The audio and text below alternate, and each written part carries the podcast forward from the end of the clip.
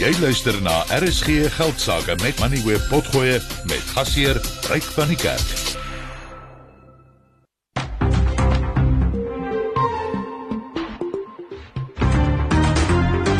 Jy luister na RSG Geldsaake met Ryk van die Kerk. Jou betroubare bron vir sake en beleggingsinsigte. Hierdie program word aan jou gebring deur Absa. Jy kan aanlyn na Absa skuif en 'n Business Evolve rekening oopmaak.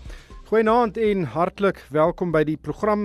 Nou vandag het uh, twee groot Suid-Afrikaanse maatskappye in die finansiële dienste sektor resultate aangekondig. Standard Bank het werklik uitgebring uitgeblink en uh, sy wins was 37% hoër verlede jaar en uh, banke se prestasie word baie geraak deur die stand van die ekonomie. En ons ekonomie het verlede jaar met net 2% gegroei en ek gaan vanaand gesels met Sim Chabalala die uitvoerende hoof oor hoe hulle dit reg gekry het. Ek gaan ook met Anton Gildenhuys van Sanlam gesels oor die groep se resultate. Die wins was nou nie heeltemal so blink so Standard Bank se nie, maar dit was nog steeds 8% hoër as in die vorige jaar. En uh dit uh gaan 'n bietjie interessant wees om te kyk na die besigheid wat hulle gekry het uit nuwe polisse wat uh, effens gedaal het en uh, dit is nie eintlik iets wat versekeringsgroepe van nou as hulle minder besigheid skryf as as in die vorige jaar nie maar ek gaan met Anton daaroor gesels. Dan maatskappye sukkel al hoe meer om hulle beste vaardighede te behou en dit is omdat van ons beste talent groener weivelde in ander lande gaan soek. Die betaalstaatgroep Payroll het pas navorsing gepubliseer wat wys dat 80% van Suid-Afrikaanse besighede immigrasie as 'n kritieke risiko beskou. Nou die groep se navorsing wys ook dat daar so wat 900 000 Suid-Afrikaners tussen 2015 en 2020 die land verlaat het. En ek moet net onmiddellik byvoeg, ek het self bietjie gaan navorsing doen vandag en immigrasie statistiek is uiters uiteenlopend en dit vertel baie keer verskillende stories. Uh, die Verenigde Nasies het byvoorbeeld onlangs gesê daar het tussen 1995 en 2020 so wat 1,9 miljoen mense die land verlaat. En uh, so as mense dit nou vergelyk met hierdie wat sê tussen 2015 en 2020 is daar 900 000 mense weg, dan uh, is dit uh, nie heeltemal so gekorreleerd nie. Maar ek gaan met Andre Viljoen van Payroll oor hulle navorsing gesels. En dan is donderdag en dit beteken ek gesels weer met 'n gesiene Suid-Afrikaanse sakepersoon en ons gesels oor hulle loopbane, die bedrywe en maatskappye waar hulle betrokke is en ook wat hulle na ure doen om 'n bietjie van stres ontslae te raak. En my gas vanaand is Etienne Leroux. Hy is 'n uh, Rand Merchant Bank se hoofekonoom. Maar kom ons kyk eers wat het vandag op die markte gebeur. Henko Kreer is sit reg soos gewoonlik, Henko. Goeienaand. Ja, daar het vanmiddag werkloosheidssyfers uit Amerika uitgekom, so ons sal sien wat dit Amerikaanse beurse doen. Op die oomblik sien ons dat die Dow Jones, die S&P 500 en die Nasdaq elkeen 0,2% gestyg het sover en dat die Europese beurse ook 0,2% hoër gesluit het. Dit was die DAX en die CAC 40, maar in Londen het die FTSE 100 0,5% laer gesluit. Hier by ons het die JSE vandag 0,1% laer gesluit op 77664 punte. Die Hulbron indeks se vlak daal met 0,2%, die nywerheidsindeks was 0,3% swakker en dan sien ons die uh, enigste een van hierdie SIP indekse wat verstewig het was maar daardie banke wat daartoe bygedra het en dit was die finansiële indeks wat met 0,9% gestyg het. Ons sien dat dit baie goed gegaan het vandag met First Rand wat 3% stewiger gesluit het. IB InBev het 2.5% hoër gesluit BHP en Richmond elkeen 'n 0,7% stewiger en dan uh, Standard Bank waarvan jy gepraat het reik se aandeleprys het vandag met 0,6% gestyg. Maar ons sien dat Prosus en Naspers het elkeen vandag 1.5% gesak. En saam met dit sien ons ander maatskappye wat bietjie swaar gekry het soos Exxaro wat 5% laer gesluit het. En dan die klerewinkels se Foschini Groep, Mr Price en Truworths elkeen 3.5% laer vandag so ook Pick n Pay, Italtaal en die MultiChoice groep en ook Pepkor Holdings wat elkeen 2,3% laer sluit. Maar nou weer aan die positiewe kant het dit baie goed gegaan met Aspen wat vandag 4.5% stewiger gesluit het. Netbank het 2% gewen vandag. RCL en Distel elkeen 1,7% stewiger en Omnia, Reunert asook Investec wen elkeen 1.5%. Dan op die kommoditeitsmark is die goudprys 1832 dollar per fyn ons platinum is 955 dollar, palladium is 1365 dollar per fyn ons. Die olieprys staan nou op 83 dollar en 40 sent per vatjie en die rand staan nou op R18.57 teenoor die dollar, R22.12 teenoor die Britse pond, R19.64 teenoor die euro en R12.29 teenoor die Australiese dollar. 'n Bitcoin verhandel tans teen 21600 dollar of 408000 rand. En ten slotte sal die plaaslike staatseffekte soos die R186 vir jou opbrengs gee van 8,65% en die R209 'n opbrengs van 11,31%. Enko baie dankie. Driekus Kombrink is van Capicraft. Hy is ook op die lyn. Driekus, baie welkom by die program.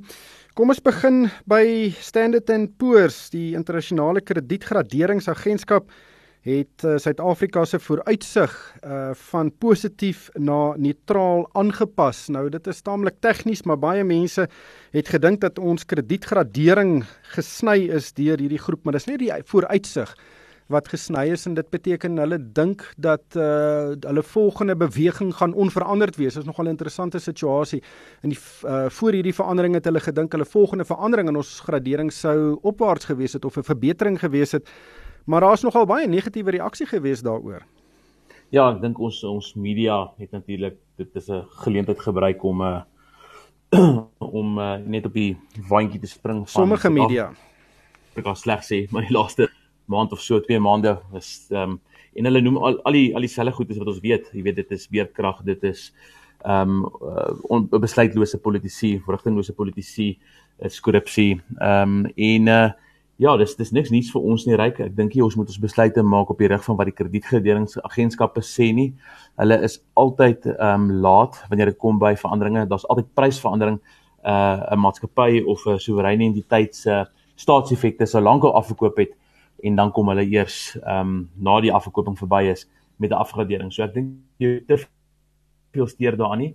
Ongelukkig op die dag daar vir die daar verander redes en dit het dalk meer te doen met ons ehm um, lopende uh, die die die tekort op ons lopende rekening het ons staatseffekte egter afgekoop met so 7 basispunte op die R209. So nie 'n goeie dag daar nie. Dis al reeds goedkoop die R209 op 11.3% en ek koop vandag verder af.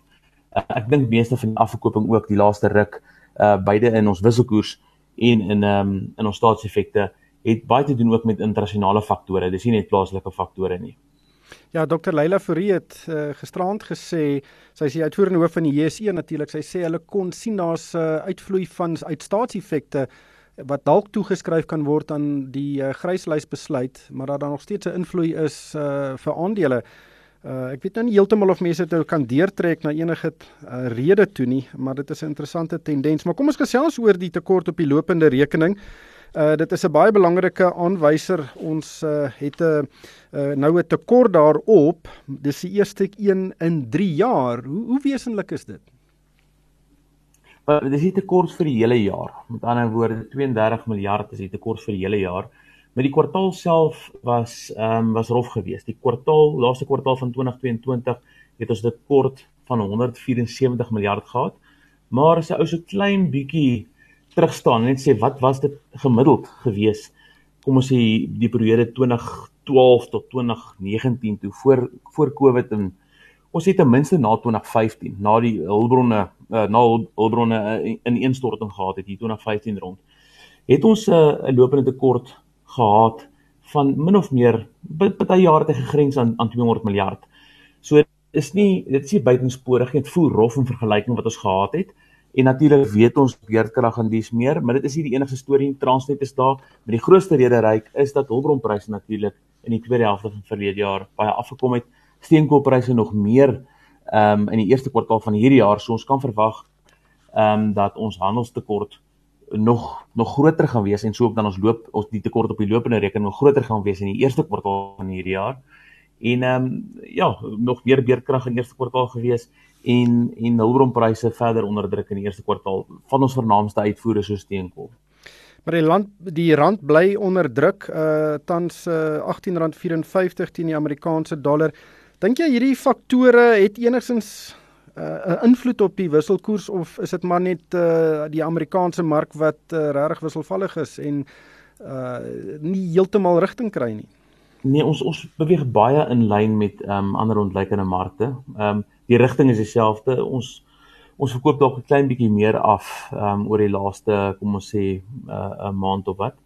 Um die beweging is dalk 'n bietjie groter op die rand, maar ons is nie een, uh, is nie die enigste ontlikeende mark met probleme nie. En ontlikeende markte is ook nie die enigste mark met probleme nie. Hier is grootliks 'n dollar is 'n uh, uh, storie.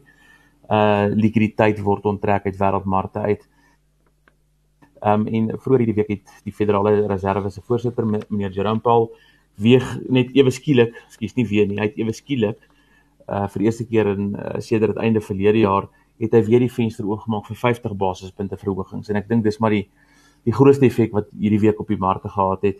Um 'n 'n meer aggressiewer sentrale bank in die FSA beteken ander sentrale banke gaan moet volg en uh dit beteken net meer geld vloei terug na die FSA toe waar dit 'n baie veilige 5% amper kan uh, verdien op die oomblik in hulle 2 jaar staatseffek. Ja, dan uh, die ek gesels nou later uh, we gaan ons kyk na Standard Bank en Sanlam se resultate, maar uh, Outsurance het 'n handelsverklaring uitgereik en hulle verwag dat hulle genormaliseerde verdienste met tussen 30 en 40 of tussen 31 en 41% vir die 6 maande tot einde Desember gaan styg en vir 'n versekeringsgroep in daardie tyd dis 'n dis 'n groot uh, vir potensiële verhoging wat hulle gaan aankondig. Ja, ek, ek wil eerstens assurance groei baie vinnig. Ehm um, dit moet mense vir hulle gee, maar ek dink ook die basisperiode as jy gaan kyk na Santam se syfers ook, die basisperiode moet ons onthou 20 'n gedeelte daarvan dalk 2021 wat oorspoel in 2022 in effek daarvan met die basisperiode het het die Natalse onluste ingesluit dit dit het uh, waarvan Sasria meeste van dit gedek het maar dit sluit ook byvoorbeeld in die ehm um, die die uh verspoelings uh, in Natal dit sluit 'n uh, enorme toename die laaste 12 tot 18 maande in motordiefstal in Suid-Afrika in. So die basisperiode is redelik laag, maar ook natuurlik ek dink daar's baie baie hooflyn groei, ehm um, omsetgroei wat in daai syfers ingebak is. Kan ek 'n besigheidsrekening kry wat by my besigheid pas? Met Absa kan ek. Absa se Business Evolve rekeninge bied 'n verskeidenheid buigsame opsies vir besighede van verskeie groottes. Elke pakket bied gratis toegang tot aanlyn bankdienste, 'n spaarsakkie en cashflow manager, 'n geïntegreerde rekeningkunde hulpmiddel wat jou help om op hoogte van finansies en meer te bly. Dis 'n oplossing wat saam met my besigheid groei. Vind uit watter Absa Business Evolve rekening by jou besigheid pas en open vandag nog een aanlyn. Ons doen meer sodat jy kan. Dis Africanacity. Absa se gemagtigde FTV en geregistreerde kredietverskaffer. Besenfees geld vir die belangrikste sake nuus skakel in op RSG geldsaake. Sanlam is die grootste versekeraar in Afrika en doen in meer as 35 lande in Afrika en in Suidoos-Asië sake. Die groep het vandag winssyfers vir 2022 bekend gemaak en die wins of die resultaat van bedrywighede soos hulle dit in die versekeringssektor noem was 8% hoër op 10,2 miljard rand. Die wesensverdienste was 3% hoër op 9,3 miljard rand. Die direksie het 'n dividend van R3.60 per aandeel verklaar wat ook ook 8% hoër was as die vorige jaar. Die groep se inkomste uit die verkope van nuwe versekeringspolisse het egter met 10% tot 65 miljard rand gedaal. Anton Gildenhuys is op die lyn. Hy is die uitvoerende hoof van Sanlam Welvarende Markte. Uh Anton, welkom by die program. Wat het gebeur met julle nuwe besigheids uh uh polisse? Ehm um, wanneer laas het julle 'n daling daar beleef? Nee, um, goeienaand Ryk en dis dis goed om met julle te gesels. Nee, ons het al 'n daling gehad natuurlik deur die COVID pandemie heel aan die begin, maar wat interessant was was tydens ehm um, 2020 en 2021 veral het mense ongelooflik baie geld natuurlik gespaar. Um, dit was een van die half onverwagse uitkomste gewees binne in um, ons besigheid. Ons veral gesien dat enkel premies het opgegaan en dit kan wees omdat mense eenvoudig nie hulle geld op ander goed kon spandeer nie. Jy kon lockdown as jy klaar jou televisie gekoop het, jy net veel anders gehad om om met jou geld te doen nie. En ons het baie hoë besparing gesien. En daai besparing is nog steeds heelwat op. As jy kyk, ons hou daarvan om as ons na ons prestasie kyk oor hierdie jaar, jy weet baie van die prestasie is redelik vleiend, jy weet ons lewensversekering is op met 25% die wins en ons beleggingsopbrengste is 18-19% op die wins daar. Maar ehm um, dit help nie jy kyk net na 20 22 teenoor 2021. Ons hou nogal daarvan om te kyk hoe het Sanlam gelyk voor die pandemie gekom het. Het ons deur hierdie rowwe ongelooflike uit, uitdagende tydperk gekom en sterker uitgekom en ons kan onomwonde sê ons het baie baie goed gedoen. As jy kyk na ons lewensversekeringsbesigheid is 28% op sedert 2019 tot nou. So ons het deur daai ongelooflike groei gegaan in 2021 en dit so 'n bietjie afgeplat, maar ons is nog steeds um, amper 'n derde hoër as wat ons was voor die pandemie begin het. Maar as 'n mens nou, soos jy nou gesê het, kyk na pre-COVID vlakke, as mens daardie tendens uh gaan trek, ehm um, is die is die traject op dieselfde uh hoek as wat dit was sê nou maar 2018 tot 2020 van nou van 2020 tot 2023. As hom deurtrek dan is hy minder hy's eintlik selfs 'n bietjie versnel. Ehm um, die Sanlam groep het dit reg gekry om ons markandeel in omtrent alle alle industrieë waarin ons bedrywig is te verbeter. So jy kan dit sien, jy weet as jy daai traject net van die lewensversekering besigheidsvolume analiseer, as jy dit nou basies per jaar vat en dan daai ding actually redelik versnel teenoor die die groeikoers wat ons gehad het in 2017, 18, 19 rond. En ek dink dit is 'n dis 'n refleksie van die die die die die mate wat ons suksesvol was om 'n nuwe markte in te kom. Uh, van die goed is natuurlik ook weens transaksies wat ons gedoen het. Ons het die COVID tydperk gesien ook as 'n as 'n periode waarin Sanlam redelik geleenthede gesien het om om bates aan te koop en die groep te verstewig teen pryse wat natuurlik heelwat laer was as wat dit was wanneer alles goed gaan. Jy het vroeër gesê daar was 'n groot toename in spaarkoerse tydens die Grendeltyd uh, hier 2020 2021. Uh en ek, ek neem aan dit het dis besig om stadiger toe te neem as ek dit nou so kan stel. Uh kan julle sien dat julle kliënte onder druk is en dalk leen op daardie spaargeld? Ja, dit het um, ek dink daar was meer van 'n skuif gewees van um, kom ons sê net maar effekte trust beleggings en daai tipe van van instrumente in die produkte wat versekerings eksklusief verskaf, byvoorbeeld anniteite. Weet as jy nou kyk na die tipe van koerse wat ons deesdae op anniteite gee, dis dis regtig ongelooflik aantreklik. Jy kan nou aftree as jy hierso 65, 70 jaar oud is en wegspring met 'n 8% van kapitaalinkomste en dan sal ons daai inkomste nog per jaar vir jou groei met 5% per jaar. So daai tipe van van aantreklike oplossings kompeteer nou baie goed met wat jy nou kry net deur aan aandele blootgestel te wees en so. En dit ons sien dit nog steeds voortduur. So ons sien nog steeds daai aptyd vir lewensversekeringsprodukte. Maar as nou kom by diskresionêre spaarprodukte, dan sien ons definitief 'n afname in belangstelling. En ek dink jy's reg, dit weerspieël die druk waaronder kliënte is. Mense raak meer konservatief, dis hoekom hulle die sekerheid verkies wat versekerings vir hulle gee en hulle raak baie versigtig om in die markte te belê want hulle het gesien die laaste 6 7 jaar eh, was dit maar 'n redelike op en af prentjie gewees. En en die vooruitsigte daarvan lyk tog nie baie goed nie. Sanlam was die afgelope paar jaar nogal baie doenig met die uitbreiding van sy bedrywighede, hele paar oornames gedoen, hele paar transaksies Uh jy het 'n groot uh batebestuurder gevestig. Jy het uh, Alexander Forbes 'n paar besigheid besighede by hulle gekoop. Jy het Brightrock uitgekoop. Jy het ook 'n beheerende belang in Afrocentric bekom uh, en en en dit is nogal uh tam, wel in hierdie omstandighede is nogal baie aktief. Uh, hoe vorder die integrasie van daai besighede nou uh met uh, die uh, die moederskip en uh verwag julle dat dit gaan toeneem? Is julle nog steeds besig om te kyk na moontlike transaksies? Nee, dit is 'n dis 'n baie goeie vraag reg. Jy's heeltemal reg. Ons het tydens hierdie hierdie Grendel tydperk het ons regtig baie geleenthede gesien. En dan jy kan amper die die um impak of die fokus van Sanlam um, oorweeg oor oor die verskillende gebiede waarin ons um bedrywig is.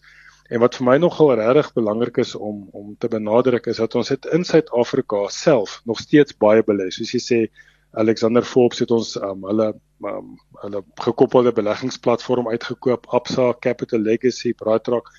Al hierdie transaksies saam met meer as 1.5 miljard rand gekos. En dan het ons natuurlik in Afrika hierdie ongelooflike groot transaksie met um, Allianz wat die grootste versekeraar is in die wêreld ge, gedoen wat die grootste versekeraar in die in die kontinent gevestig het. En dan het ons 'n paar ander transaksies vir ons kapitaal weer losgemaak deur byvoorbeeld uit die Verenigde Koninkryk uit, uit te verkoop. Maar hierdie is nou ongelooflik baie werk wat ons op oomblik moet implementeer. So ons is besig om nou bietjie terug te staan van nuwe transaksies. Ons het ook nou vir die mark aangedui dat tot die mate wat ons nou surplus kapitaal genereer, gaan ons geneigtheid eerder wees om van daai kapitaal nou te begin teruggee aan aandeelhouers, want um, on, ons inmandjie is redelik vol as ek dit so kan stel. Anton, dankie vir jou tyd vanaand. Dit was Anton Gildenhuys van Sanlam. 'n Naam is nooit net 'n naam nie. 'n Naam word gemeet nie bloot aan wat dit sê nie, maar aan wat dit doen. Neem ons naam byvoorbeeld, Efficient Wealth, om die meeste van jou tyd en geld te maak. Dis wat ons doen. Ons omskep prestasievermoë in welvaart. Vind uit wat ons vir jou kan doen by efw.co.za. Efficient Wealth. Dis wat ons doen. Efficient Wealth is 'n gemagtigde finansiële dienste verskaffer. Vind uit watter Absa Business Evolve-rekening by jou besigheid pas en open vandag nog een aanlyn. Ons doen meer sodat jy kan. Dis Africanacity. Absa se gemagtigde FTV en geregistreerde kredietverskaffer. Besenfees geld. Daar is geen geldsaake met Moneyweb. Elke week saam tussen 6 en 7.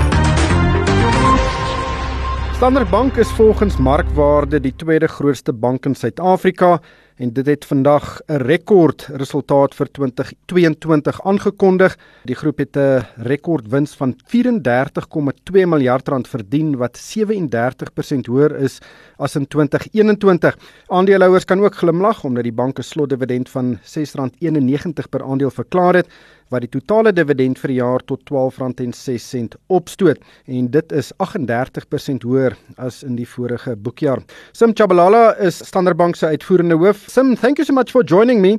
It seems as if your performance did not quite mirror what was happening in our economy. We only saw GDP growth of 2% last year and normally banks' performance mirror the economic performance. So where did this growth come from? Rake, we grew at 37%. That's our entire group. The African operations, the operations outside South Africa, they grew, starting with East Africa, they grew 42%, South and Central, 52%, West Africa, 12%, and then South Africa itself, our headline earnings grew by 26%. And you're right, it's multiples of the economy, but it bespeaks the Standard Bank uh, investment case. Fast growing operations outside South Africa, and in South Africa, the largest financial institution, massive balance sheet, deployed to serve our clients, partnering our clients through thick and thin, generated higher revenues, managed our costs well, and you get the result that you have. So it's all businesses firing on all cylinders. How significant is the contribution of your non South African operations to the group's result? It's very significant. That's what I was saying about East Africa, South Central, and West Africa. It's significant. It's the central element of our investment case, and long may that last. But 20%, 30%? It's now roughly 40% of the banking operations. Load shedding has caused many businesses to spend a significant amount of money on contingency solutions such as solar. Can you see that this expenditure from your clients have negatively impacted the other expansion activities, M&A and the like?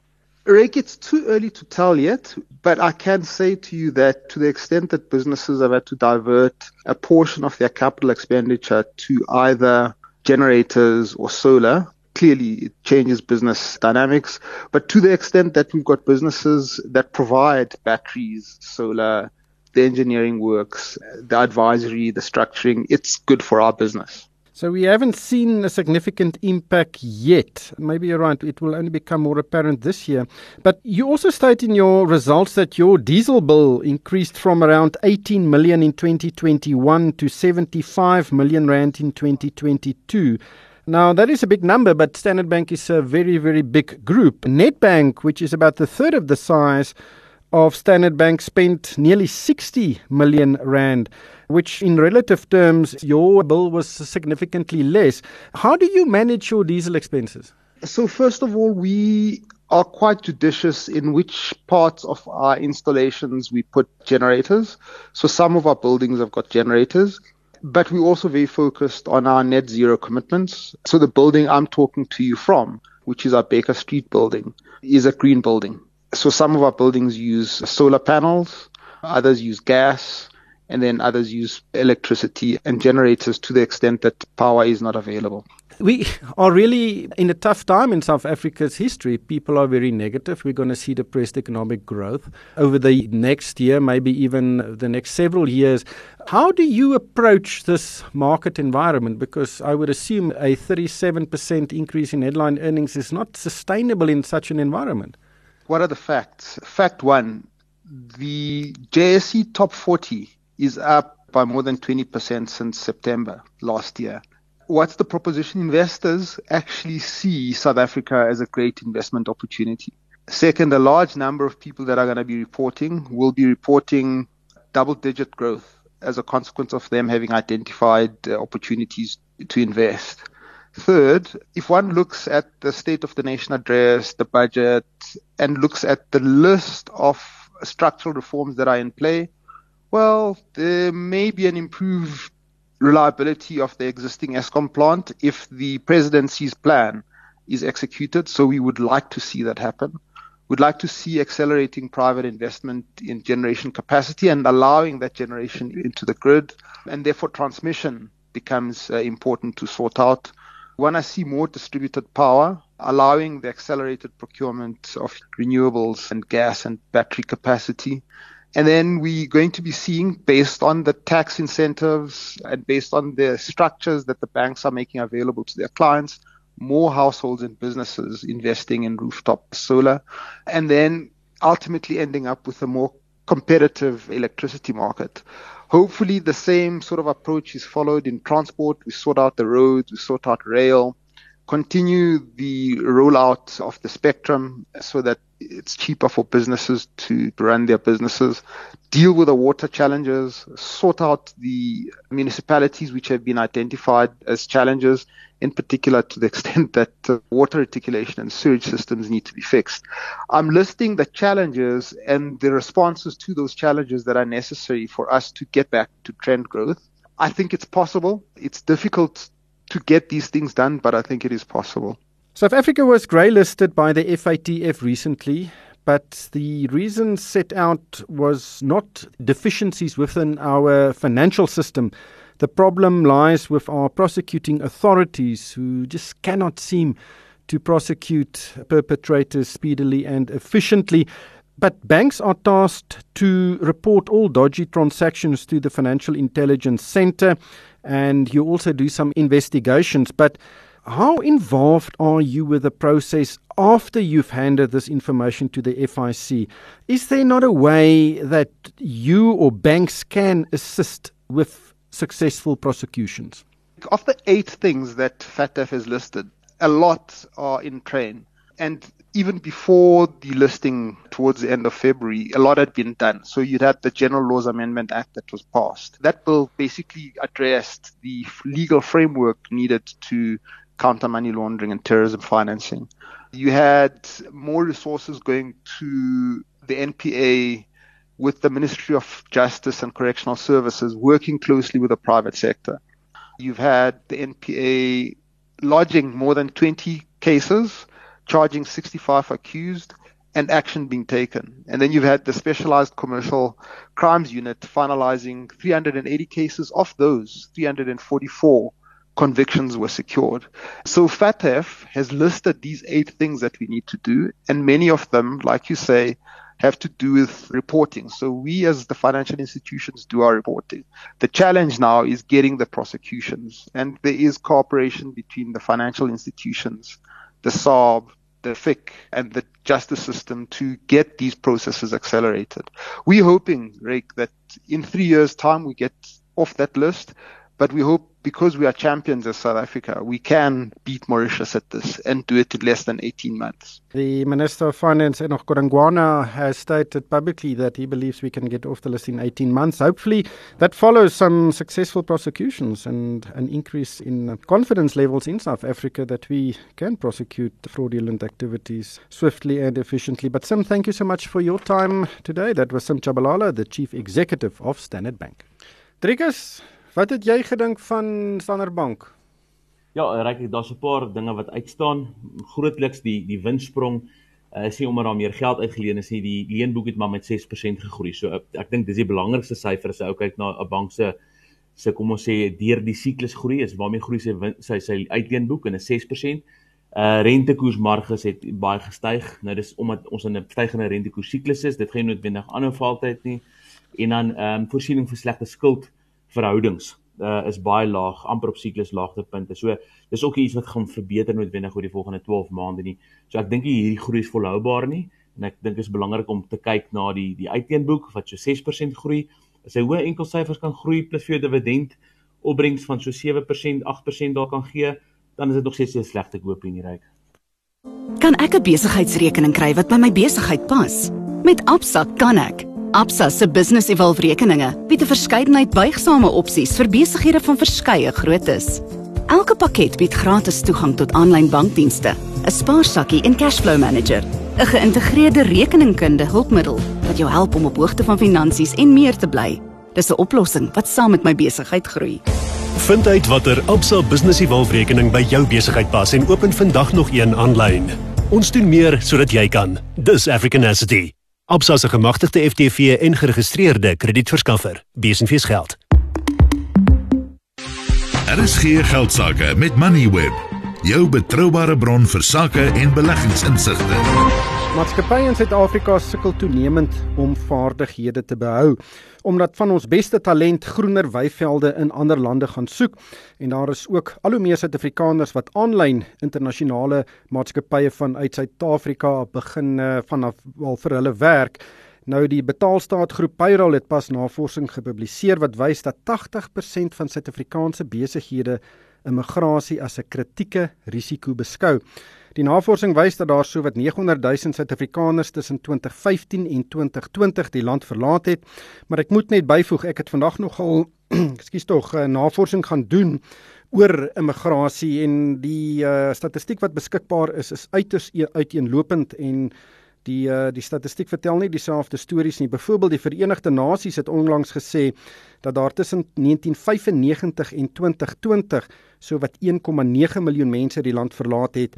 Nou uh, volgens die Suid-Afrikaanse Inkomste Diens ook het net so wat 45000 belastingbetalers hulle Suid-Afrikaanse belasting aanspreeklikheid beëindig en dit is die uh, afgelope 5 jaar. Andre Viljoen is op die lyn huis van Payroll. Andre baie welkom by die program. Wie is hierdie mense wat volgens julle navorsing immigreer?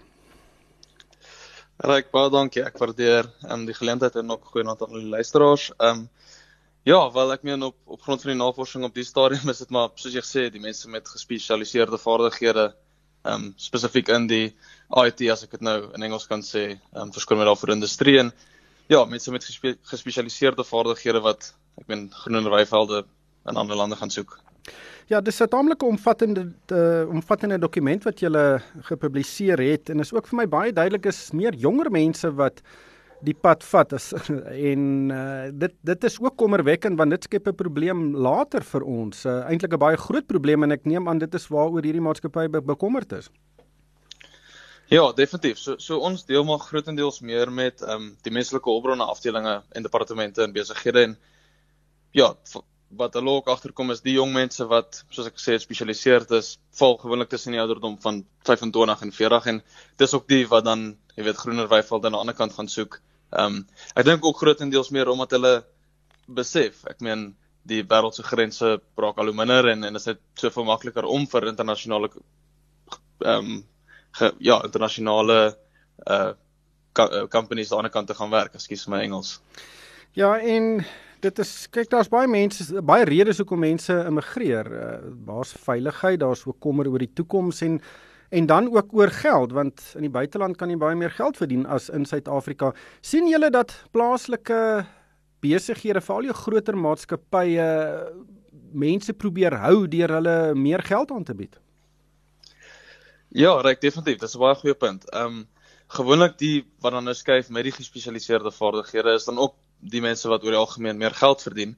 Ehm um, en die, die besighede kan nie noodwendig bekostig om hulle te verloor nie. So hulle is definitief bereid om kom ons sê so die die salarisse so of te match wat die internasionale uh, companies vir hulle bied, maar die goed wat ons van meer in deel sien is dat dit nie noodwendig net gaan oor die een een individu nie. Dit gaan oor hulle het is of getroud en hulle het 'n man of 'n vrou wat jy weet ook oor see genader is. Ehm um, en dan begin dit vir hulle baie meer sin maak om om oor see te skuif. En as dit ewe skielik twee salarisse wat ek meen die Suid-Afrikaanse se besighede net nie meer kan kompeteer nie. En as ook 'n tendens dat meer en meer mense in Suid-Afrika bly, die leefstyl geniet maar hulle werk vir internasionale maatskappye. Die die tegnologie maak dit moontlik en die grendeltyd het dit net onderstreep. Ja, nee 100%, dis 'n baie goeie punt. Ek dink na die Grendeltydperk het baie baie besighede besef is baie goedkoper om mense van die huis aan te stel en, en internasionale mense het besef dat ons baie gespesialiseerde mense in Suid-Afrika het en dit is baie goedkoper om hulle aan te stel as wat dit sou wees om hulle byvoorbeeld in Amerika aan te stel. Ehm um, en so het die Suid-Afrikaners begin jy, vir oorsese maatskappye werk. Ehm um, ek meen en hulle verdien omtrent dubbel selfs 3 maal wat hulle in Suid-Afrika sou verdien. Ja. So wat kan maatskappye doen om hulle talente hou? Ja, ek dink dis seker hoekom ons vandag hierdie gesprek het. Ehm um, en hoekom ons ook hierdie navorsing gedoen het as 'n maatskappy. Ehm um, so om dit half kortlik te stel, ons vorm deel van 'n uh, maatskappy genaamd Bat IT en ons besef dat om hierdie staff members te hou in in die land is een van die goed waarmee baie menslike hulpbronne uh, departemente regtig sukkel en om dit kort te stel, ons het entiteite oral in die wêreld. Ehm um, en wat dit die besighede toelaat is dan half om die werknemers ehm um, aan te stel in ander lande deur ons entiteite om nog steeds dan te werk vir die vir die companies in Suid-Afrika. So ons sê eintlik wel die mense is in elk geval op pad en ons besef dis die realiteit en ons sê maar om die gespesialiseerde talent nie te verloor nie, kan ons hulle vir jou aanstel in die land waar hulle gaan bly. Jy weet in lyn met al die legis, uh, legislasie en jy weet die labour laws en alles wat aan daai kant aan die gang is en ehm um, hulle half net terug sekondeer vir jou sodat hulle nog steeds vir jou Suid-Afrikaanse maatskappy dan werk en dat jy nie verloor nie. Ehm um, nie noodwendig 'n langtermyn oplossing nie, maar definitief ehm um, 'n oplossing wat goed genoeg is om dan wel iemand te kry om hulle te vervang en dat jy nie net dadelik hoef te doen en hulle net onmiddellik te verloor nie. So daar's mense in Suid-Afrika wat vir buitelandse maatskappye werk en as hulle Suid-Afrikaners wat die land verlaat en dan werk hulle steeds vir Suid-Afrikaanse maatskappye. Ek dink dit is 'n baie interessante scenario. Ek moet sê ek het vandag die Reserwebank genader om te hoor of hulle vir my kan statistiek gee want ek dink hulle monitor dit dalk beter as wat die Suid-Afrikaanse inkomste diens doen en uh, as ek daardie inligting terugkry dan sal ons weer daaroor gesels. Maar Andrei, baie dankie vir jou tyd vanaand. Dit was Andrei Verleen van Payroll. Driekus, jy bestuur baie mense se geld uh en sien jy dat daar 'n toename is in mense wat koers kies noorde toe of uh, ooste toe as hulle na Australië toe uitwyk? Ja, uh, ryk my portuïergroep self het uh, die land verlaat net na skool en baie van hulle kom weer terug. Jy weet, as ek nou net so 'n bietjie van 'n ander hoe uh, uithoek uh, dinge kan sien, baie mense kom weer terug, veral in my portuïergroep, uh, dalk 'n bietjie ouer ook. En uh, maar ongelukkig het ons baie landsverlaters, ehm um, nie noodwendig my eie besigheid wat ek sien nie. Dis dis baie min wat dit gebeur. Ehm um, ons het nog baie suksesvolle entrepreneurs in Suid-Afrika wat hulle besighede het en terwyl hulle nie daai besighede gaan verkoop nie, gaan hulle gaan hulle nie wegskuif van hulle van hulle besighede af nie. So eenvoudig is dit. Ja, ek het ook 'n statistiek vandag raak gelees dat vir elke 100 mense wat die land verlaat, kom daar 60 terug. Nou ek weet nie heeltemal hoe akkuraat dit is nie maar dit is 'n uh, dit is 'n interessante statistiek. Ek gaan dit probeer uh, bevestig, maar uh, ja, dit is 'n tendens en ek dink daar is dalk 'n uh, no nood of 'n behoefte dat daar beter navorsing oor gedoen word. Vind uit watter Absa Business Evolve-rekening by jou besigheid pas en open vandag nog een aanlyn. Ons doen meer sodat jy kan. Dis African Asset. Absa se gemagtigde FTV en geregistreerde kredietverskaffer. Besenfees geld. Besoek RSG Geldsaake se Facebookblad en kom ons gesels. Dis donderdag aand en dit beteken ek gesels weer met 'n gesiene Suid-Afrikaanse sakepersoon en ons gesels oor hulle loopbane, die bedrywe en maatskappye waar hulle werk en ook wat hulle bietjie doen om van stres ontslae te raak. En my gas vanaand is Etienne Leroux. Hy is 'n gereelde deelnemer aan hierdie program. Hy's natuurlik die hoofekonoom by Rand uh, Rand Merchant Bank en hy skuif binnekort na First Rand toe. Ons gaan daaroor gesels. Ehm um, Etienne baie welkom by die program. Kom ons gaan 'n stap terug. Waar het jy groot geword en ja. wanneer het jy nou uh, besef jy het 'n liefde vir ekonomie want ek dink baie min skool laities as ek dit nou so ja, kan noem droom daarvan om 'n ekonom te word. ek is in Sasselburg gebore. Ehm um, en het daar vir 'n rukkie skool gegaan en toe trek ons net oorkant die Vaalrivier na van 'n byl toe. En daar het ek my laerskool loopbaan voltooi, hoërskool loopbaan voltooi en toe het ek op die by die PIK gestudeer. Nou baie interessant reik. Ek het ehm um, glad nie op skool ekonomie gehad nie, nie op hoërskool nie. So my blootstelling vir die eerste keer aan die vakgebied was eerste jaar ehm um, BCom student by die PIK. En dit is ook maar net bloot omdat weet elke BCom graad moes ekonomie gehad het as 'n vak. Ehm um, en ek het BCom rek ehm um, gedoen en hier kry ek blootstelling aan ekonomie en ek het van die begin af ehm um, was ek mal oor die mal oor die dissipline. En ek is toe in in retrospek slim genoeg om uh, wel 'n BCom rek klaar te maak maar ook ekonomie en bedryfsekonomie as addisionele vakke saam te vat. En toe ek nou aan die einde kom van my graad en ek moes toe nou 'n besluit neem, gaan ek nou die rekenmeesterpad of gaan ek nou die ekonomiese pad? Toe vat ek die ekonomiese pad. Ehm um, so en en die res is die res is geskiedenis. Jy was belang by die tesourie. Vertel hmm. ons van jou tesourie avontuur. Ja, so ek het ehm um, ek het afgestudeer en toe het ek vir so 3 jaar klas gegee by die PIK en toe is ek gesemi-privatiseer en toe gaan werk ek by die staat en ek het so vir 'n jaar of so in die begrotings kantoor by die nasionale tesourier gewerk toe Trevor Manuel nog die die minister was. Daar het ek baie geleer um oor beleid en beleid is uit die aard van die saak baie belangrik as jy probeer sin maak oor wat wat in die ekonomie aangaan. En toe het ek van daar af verder geprivatiseer. Um en ek moet dankie sê vir vir oorlede dokter Kees Bruggemans wat toe nou potensiaal seker in my gesien het en as 'n jong ekonom nat agter die ore 'n kans gegee het om in die privaat sektor by FNB te begin um, as a, as 'n jong ekonom en en daar was amper al fase 2 van my loopbaan. Ja, jy was nou amper ek dink 26 jaar lank al by by ja, uh, in die First Rand groep. Uh, FNB is natuurlik deel daarvan. Maar vertel ons wat presies doen jy op 'n gewone dag? Wat doen 'n ekonom uh en en hoekom word hulle so hoog aangeskryf vir al die goeies? Wel, um, in 'n netedop um, probeer jy die ekonomie beter verstaan en sekere tendense um, opspoor um, om besluitneming te vergemaklik. Um, jy weet en ek dink ekonomie is 'n baie komplekse wetenskap en ekonomie moet dit nie meer kompleks maak nie. So ek vat dit nogal op myself om die ekonomie so maklik as moontlik te probeer verduidelik aan ons kliënte en komplekse dinge maklik verstaanbaar te maak. Ehm um, vir myself ook en dan ook vir ons kliënte. En ek dink die die hoofdoel ryk is as 'n ekonom is om 'n goeie idee te kry en om aan die, die kliënte verduidelik maar ehm um, wat is die die dinge wat 'n invloed het op die omgewing waarin jy besigheid doen. Dit kan wees internasionaal, dit kan wees beleid wat is die dinge waarna jy moet uitkyk wat definitief 'n invloed kan hê op jou maatskappy? As jy 'n konstruksiemaatskappy is, is daar sekeringe dinge wat belangriker vir jou is as jy byvoorbeeld 'n kleinhandelaars 'n maatskappy is in die kleinhandel. En daarmee help ons baie. Met ander woorde, ons sal byvoorbeeld baie tyd spandeer om die verbruiker beter te verstaan. Ehm um, hoe lyk die finansiële toestand van huishoudings? Ehm um, hoe spandeer hulle hulle geld? Wat is die nuwe tendense? Ehm um, ehm um, wanneer dit kom by verbruiksmondering om dan vir maatskappye in daai bepaalde rigting en en en gebied en omgewing weet inligting te gee en goeie inligting te probeer gee.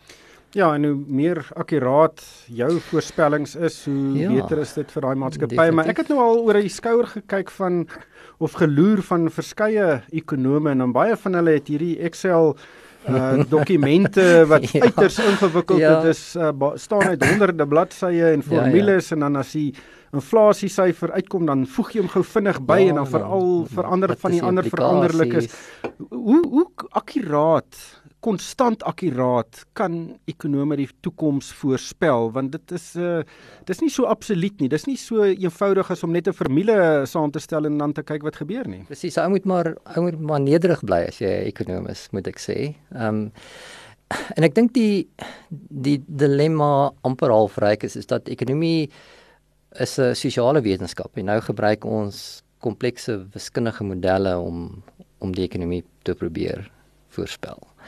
En dit gaan altyd nooit 100% akkuraat wees nie. So enige ekonometriese model in Excel spreadsheet het sy plek. Maar daar moet ook 'n goeie dosis van ervaring en gut feel. Weet wat jy moet toepas um, om sin te maak van wat die modelle sê. Jy weet so die model het sy definitief sy plek en dit is 'n belangrike klankbord, maar jy moet dan ook half in 'n posisie wees om te kan sê maar weet jy daai syfertjie lyk vir my te hoog of te laag en hy lyk 'n bietjie uit plek uit. En en die model werk op spesifieke verwantskappe en dit is wiskundig maar ehm um, jy moet ervaring gebruik om sin te probeer maak van die model se resultate. Ja, ek het nou die dag gekyk na 'n lys van voorspellings wat ek dink omtrent 30 Suid-Afrikaanse ekonome gemaak het en dan sit jy met ekonomiese groei verwagtinge van 2% en dan die aan die ander kant sit dan sit iemand met 'n minus 1% eh, en dit dit is baie baie uiteenlopend. Ehm um, en ek weet nie ek dink is vir baie mense moeilik om uh nie te glo wat ekonome sê nie, maar om die die kaf van die koring te skei. En en hoe dink jy moet ja, mense dit doen? Dit dit is wel ek dink belangrik ryk jou trek rekord is belangrik hier. Jy weet jou ervaring, weet hoe lank bekyk jy al die ekonomie? Ehm um, hoe goed verstaan jy die ekonomie? Hoe goed het jy die ekonomie oor tyd voorspel? Ehm um, en dan begin maatskappye, ons kliënte 'n verhouding met jou met jou bou. Ehm um, en so ek dink nie jy weet jy jy jy praat nou van uiteenlopende vooruitskattinge en dit is dit word natuurlik dit is afhanklik van waarop lê jy byvoorbeeld die klem. Jy weet op die huidige oomblik het jy 'n situasie van waar sommige ekonome dink die ekonomie gaan groei teen 1.5 en 2% want hulle dink beerkrag gaan vinniger opgelos word as ander ekonome en dat die vaste investering wat ons nou sien in hernubare krag van so 'n orde grootte gaan wees dat dit die ekonomie dramaties opstoot gaan gee en dat jy fundamenteel die elektrisiteitssektor verander ten goede van die ekonomie. Ander ekonome is bietjie meer skepties byvoorbeeld. En hulle sê maar weet jy ons in klei sê maar ja, daar gaan baie groei wees hierdie jaar, maar volgende jaar is 'n interessante debat. Want inflasie kan afkom ja. en rentekoerse kan daal en die wêreldgroei kan 'n bietjie beter lyk. En het ons miskien fase 2 en 3 beerkrag maar nie 5 en 6 nie en dan lyk die prentjie anders. Ja, Sim Tabalala het vroeër mm -hmm. in die mhm. program nogal gesê hy dink hierdie geweldige belegging wat ons nou gaan sien, gaan die die toekoms dalk meer rooskleurig maak as wat baie mense dink. Maar net te eh, laastens, ek neem aan is stresvol om te wag tot die volgende ekonomiese aanwysers deur die die, die Reserwebank bekend gestel is. Wat doen jy om 'n bietjie van stres ontslae te raak? Ja, so ek ek ek hou nogal daarvan om na antieke veilinge toe te gaan. Ehm um, en ek doen dit glad nie vir profit nie, ek doen dit vir plesier. So ek koop nie om te verkoop wat, nie. Watter tipe veilinge? Uh, so, watter produk of uh, antieke antieke meubels en versamelstukke. So ek het 'n hele paar oudhede in my huis um, en en interessante stukkies hier en daar. Ek is 'n koffiesnop, so ek hang in koffiewinkels rond en ehm um, oor naweke sal ek 'n bietjie bietjie hardloop en in die week sal ek 'n bietjie gym. Ehm um, en dan ag ry ek dan ry ek ook baie. Weet baie mense hou daarvan om op vakansie te vlieg, maar ek ry. So ek wil al die skuur en ek wil verken en So as jy Kaap toe ry, stop jy so 2 of 3 keer langs ja, die pad? Ja, nee, wat ek ry, ek ry baie baie baie kilos. Um, en ek het al baie plekke gesien, maar ek het nog baie wat ek nog moet sien. So 'n kombinasie van dinge en dan hou ek van 'n 'n glasie of 3 witwyn so oor naweek ook, moet ek sê. Ehm um, Etienne baie dankie vir jou tyd vanaand en ja, alle sterkte met jou uh dinge wat jy nou by First Rand gaan doen. Ons sal nog steeds verseker in die toekoms praat. Baie maar daarmee moet ons groet. Ehm um, baie dankie uh aan al die gaste wat ons vanaand gehad het. Driekus Kombrink van Capicraft, dankie vir jou bydrae. En daarmee groet ons van Palesa Matlala, Pieter Botha en Kokreer en vir my ryk van die kerk. Dankie vir die saamluister en hierdie program is aan jou gebring deur Absa. Jy kan aanlyn na Absa skuif en 'n business e-wallet rekening oopmaak. Jy het geluister na RSG Geldsaake met Money where potgoe elke weeksdag om 7 na middag. Vir meer Money where potgoe, besoek moneyweb.co.za of laai die toepassing af en volg Moneyweb News om dagliks op hoogte te bly.